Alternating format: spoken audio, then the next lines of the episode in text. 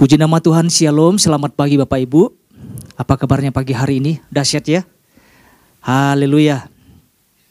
Kita bersyukur bahwa Tuhan baik di dalam kehidupan setiap kita, bahkan selalu baik di dalam kehidupan setiap kita. Hari ini kita akan belajar bersama-sama Bapak Ibu. Kita akan menangkap, kita akan melihat juga bersama-sama apa yang Tuhan mau ajarkan kepada setiap kita. Ya. Pesan Tuhannya adalah ketika jalan menjadi terjal dan mendaki. Ya. Ketika jalan menjadi terjal dan mendaki. Tentunya bukanlah sesuatu yang mudah bagi setiap kita ketika kita berada dalam posisi ini Bapak Ibu. Ya.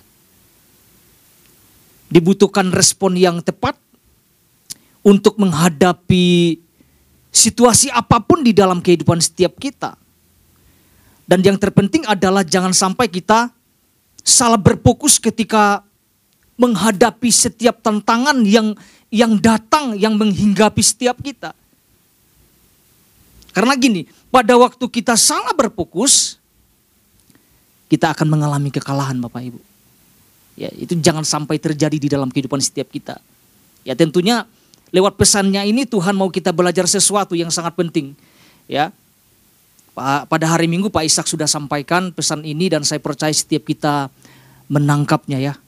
Setiap kita boleh mempelajari, mendapatkan sesuatu lewat pesan Tuhan dalam minggu ini.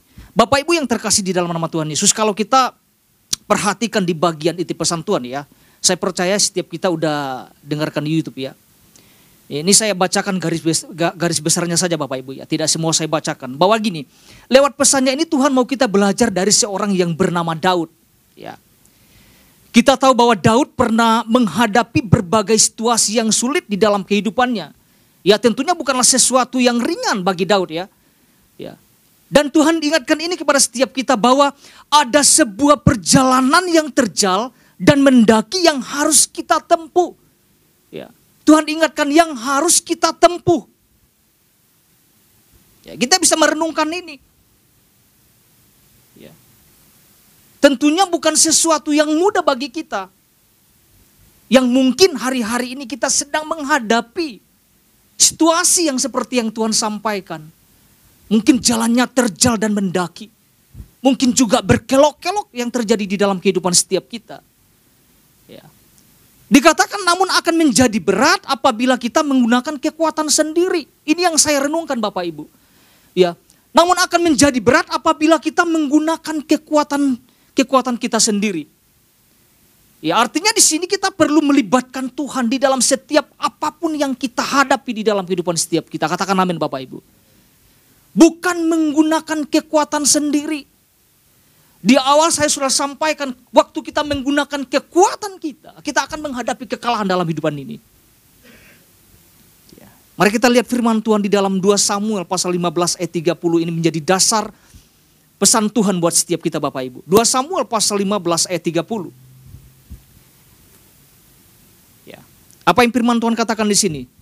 Daud mendaki bukit Zaitun sambil menangis, bukan sambil tertawa ya Bapak Ibu ya. Sambil menangis kepalanya berselubung dan ia berjalan dengan tidak berkasut. Juga seluruh rakyat yang bersama-sama dengan dia, masing-masing berselubung kepalanya dan mereka mendaki apa? Sambil menangis. Jadi kalau kita melihat berdasarkan berdasarkan ayat ini, apa yang terjadi dalam kehidupan Daud bukan sesuatu yang ringan. Ini adalah peristiwa yang sangat sulit bagi Daud. Ya, ya karena karena anaknya sendiri Absalom ingin menggulingkan takhta ayahnya sendiri. Mengkudeta ayahnya sendiri. Ya, dalam pengertian Absalom melakukan pemberontakan terhadap ayahnya. Kita bisa melihat ayat-ayat yang tadi kita baca. Daud mendaki di Bukit Zaitun sambil menangis. Kepalanya berselubung dan ia berjalan dengan tidak berkasut. Tetapi kalau kita perhatikan Bapak Ibu, Daud tidak sendiri loh. Ada orang-orang yang ada orang-orang yang setianya Daud yang terus bersama-sama dengan Daud. Ya, di tengah-tengah kesulitan yang yang yang sulit.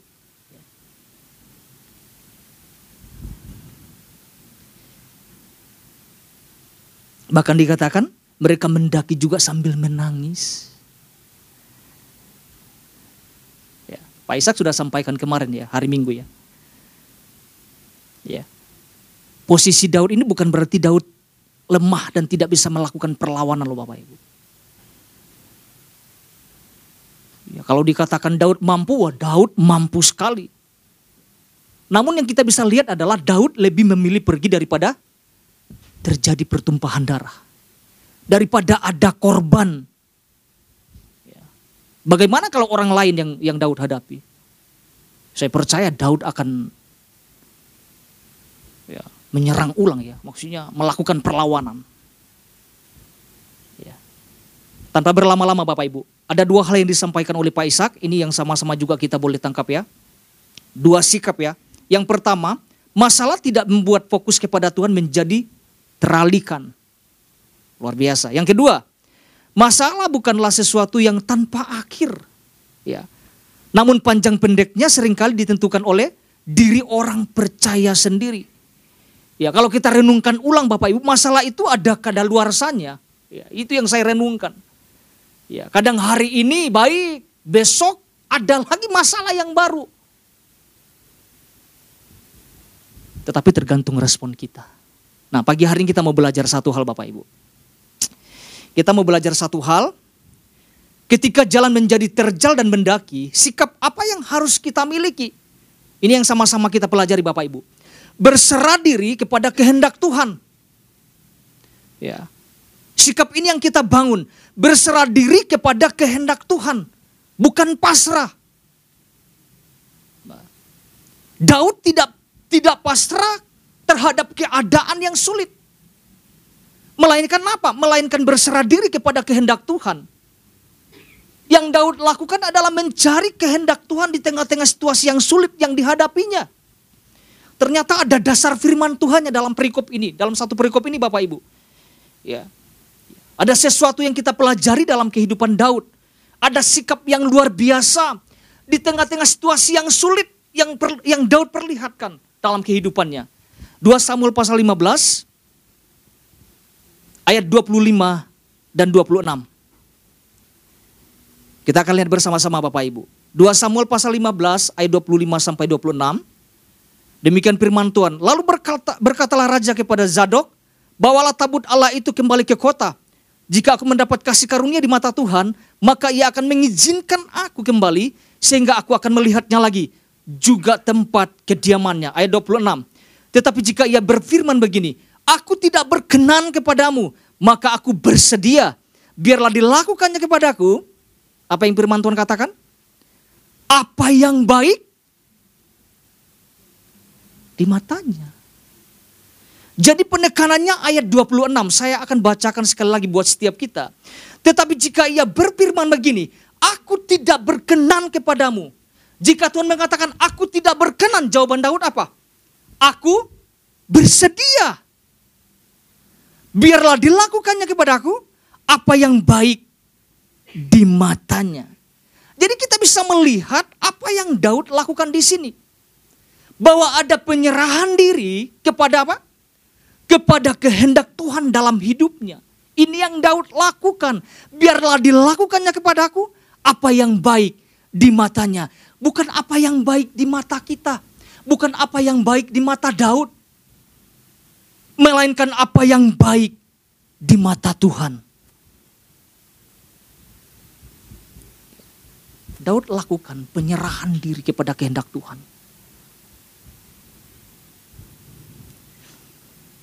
Karena begini Bapak Ibu, berserah diri itu akan membuat kita tenang menghadapi tantangan apa pun. Berserah diri akan membuat kita berhenti mengeluh. Berserah diri akan membuat kita lebih berfokus kepada Allah daripada kepada persoalan yang kita hadapi. Berserah diri akan memudahkan kita untuk melihat petunjuk dan arahan Tuhan di dalam kehidupan setiap kita. Kalau kita menggumam, kita akan sulit untuk menangkap petunjuk-petunjuk dari Tuhan. Kita akan sulit untuk men, men, uh, melihat arahan dari Tuhan. Penyerahan diri membuat kita tenang. Untuk menghadapi apa pun di depan kita. Tuhan ingatkan jalannya tercal, jalannya mendaki. Tapi kita belajar jangan takut. Ada Tuhan yang akan menyertai setiap kita. Ada dua sikap yang kita lihat. Ayat 26. Sikap yang pertama, sikap selalu bersedia. Nah ini, ini, ini penting Bapak Ibu. Ayat 26 bagi Anna berkata gini, tetapi jika ia berfirman begini, aku tidak berkenan kepadamu, maka aku bersedia. Apa arti kata bersedia Bapak Ibu?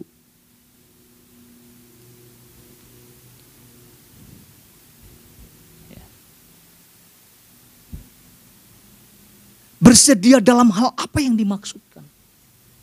Nah, kita perlu belajar. Kalau saya mempelajari, saya melihat bersedia dalam hal apa pun.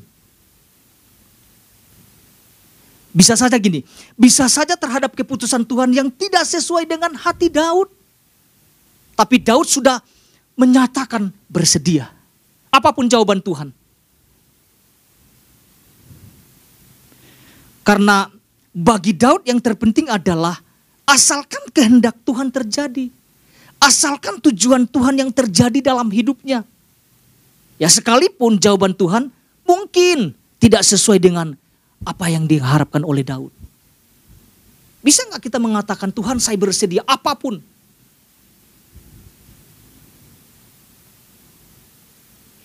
Ini sesuatu yang sulit. Ketika kerinduan Daud harus mengembalikan tabut perjanjian di Yerusalem.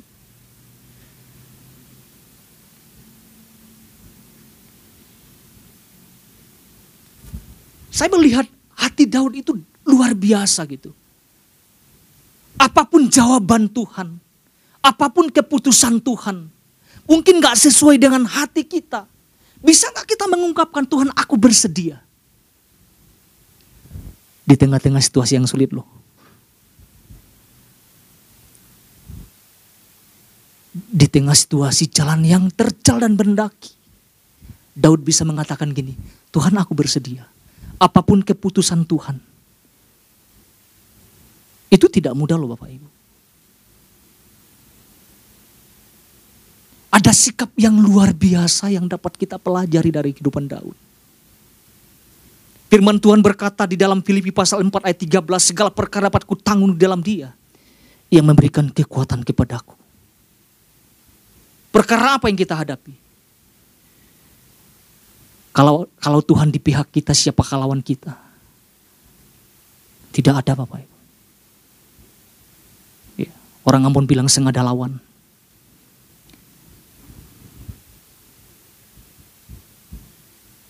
Karena firman Tuhan jelas makan segala perkara. Dapat ku tanggung. Bukan di dalam kita, tetapi di dalam dia.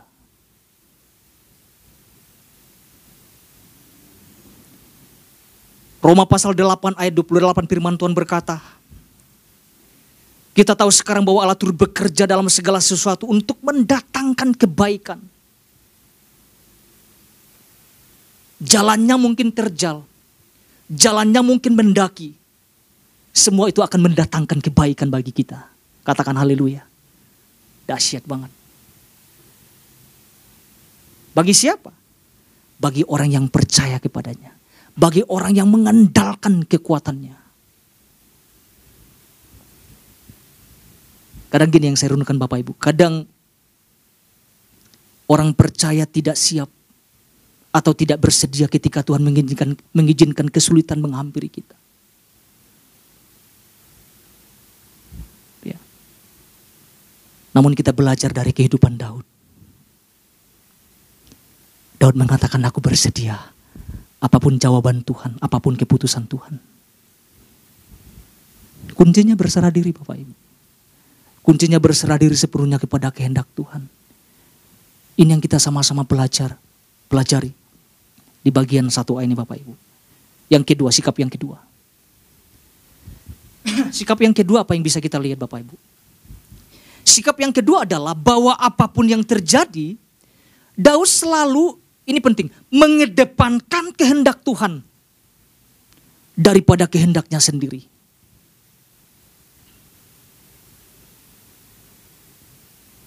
Bahwa apa pun yang terjadi, Daud selalu mengedepankan kehendak Tuhan daripada kehendaknya sendiri. Ya, saya melihat ada penyerahan secara total kepada kehendak Tuhan. Daud sangat yakin, Daud sangat percaya bahwa Tuhan adalah satu-satunya penolong di tengah kesulitan. Makanya apa yang Daud lakukan berserah diri kepada kehendak Tuhan dalam hidupnya.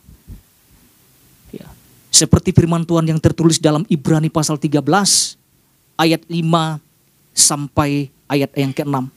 Ya, ada bagian yang tertentu yang saya saya bacakan di sini Bapak Ibu. Dikatakan gini. Ayat 5 dalam Ibrani. Aku sekali-kali tidak akan membiarkan engkau dan aku sekali-kali tidak akan meninggalkan engkau. Itu bagian tengahnya Bapak Ibu. Ayat 6. Sebab itu dengan yakin kita dapat berkata, Tuhan adalah penolongku.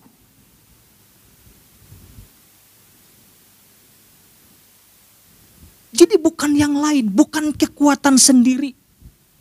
Firman Tuhan berkata, Tuhan adalah penolongku. Bukan dengan kemampuan, bukan dengan kepandaian, bukan dengan pengalaman kita. Tapi biarlah kita belajar untuk menyatakan Tuhan adalah penolongku. Ini yang bisa kita lakukan di tengah-tengah situasi yang sulit yang Tuhan izinkan Bapak Ibu. Kita membayangkan saja tentang kata mendaki. Itu udah sulit. Jalannya terjal.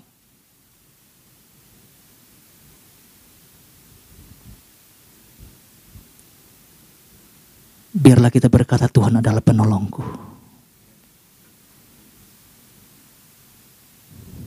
Mungkin sehari-hari ini Bapak Ibu kita sedang mengalami kesulitan. Mungkin kelihatan perjalanannya buntu. Mungkin nanjak nggak bisa lihat apa-apa.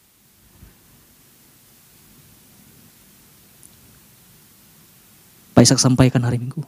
Kita akan lihat kemenangan waktu kita ada di atas. Bersama dengan siapa? Bersama dengan Tuhan. Waktu kita mengatakan Tuhan adalah penolong. Bukan tentang kita, bukan tentang kekuatan kita, tapi tentang kekuatan Tuhan, tentang kuasanya yang dahsyat. 1 Korintus pasal 10 ayat 13. Ya. Ayat ini agak sedikit keluar Bapak Ibu tapi saya akan lihat ada bagian tertentu yang saya bisa lihat di situ. Kita lihat sama-sama. Dikatakan gini, 1 Korintus pasal 10 ayat 13, Pencobaan-pencobaan yang kamu alami adalah pencobaan-pencobaan biasa yang tidak melebihi kekuatan manusia. Sebab Allah setia dan karena itu ia tidak membiarkan kamu. Nah itu dia. Ya. Karena itu ia tidak akan membiarkan kamu dicobai melampaui kekuatanmu. Pada waktu kamu dicobai, ia akan memberikan kepadamu jalan keluar. Ini kata yang saya mau tekankan ia akan memberikan kepadamu apa? Jalan keluar sehingga kamu dapat menanggungnya. Jadi kalau kita berserah diri kepada Tuhan, maka Tuhan akan memberikan jalan keluarnya berdasarkan firman Tuhan Artinya gini, Tuhan akan tunjukkan cara-caranya.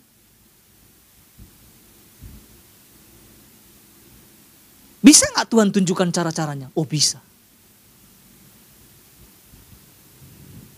Asalkan kita mau nggak ketika Tuhan tunjukkan cara-caranya, kita bisa menerimanya nggak? Kita bisa belajar tentang kehidupan Daud dan Yusuf, Daniel, Sadrak, Mesat, Abednego.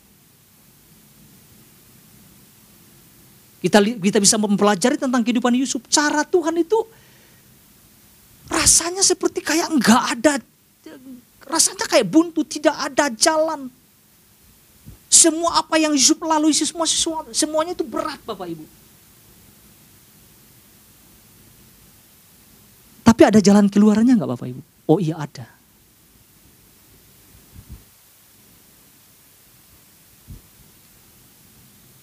Tergantung respon kita.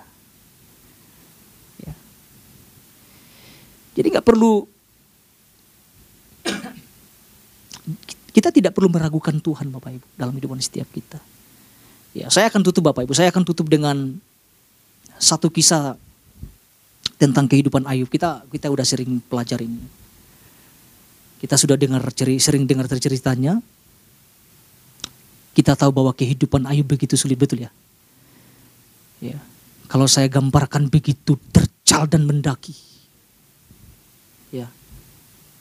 Ayub kehilangan banyak hal dalam kehidupannya termasuk anak-anaknya. Ayub pernah ditinggalkan oleh sahabat-sahabatnya termasuk istrinya. Ayub pernah mengalami penyakit, penyakit kulit yang begitu parah. Namun di tengah-tengah situasi yang sulit yang dihadapinya. Apa yang Alkitab katakan? Ayub tidak berbuat dosa loh Bapak Ibu. Ayub tidak menuduh Allah berbuat yang kurang patut dalam hidupnya. Saya melihat ada sikap yang sangat luar biasa di sini.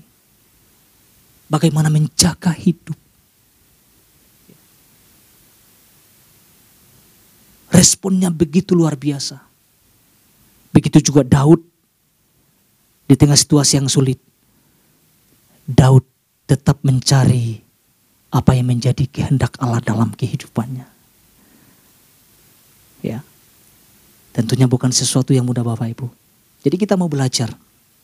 Kita mau belajar bersama-sama lewat, lewat kehidupan Daud. Berserah diri kepada kehendak Tuhan. Tuhan Yesus memberkati setiap kita.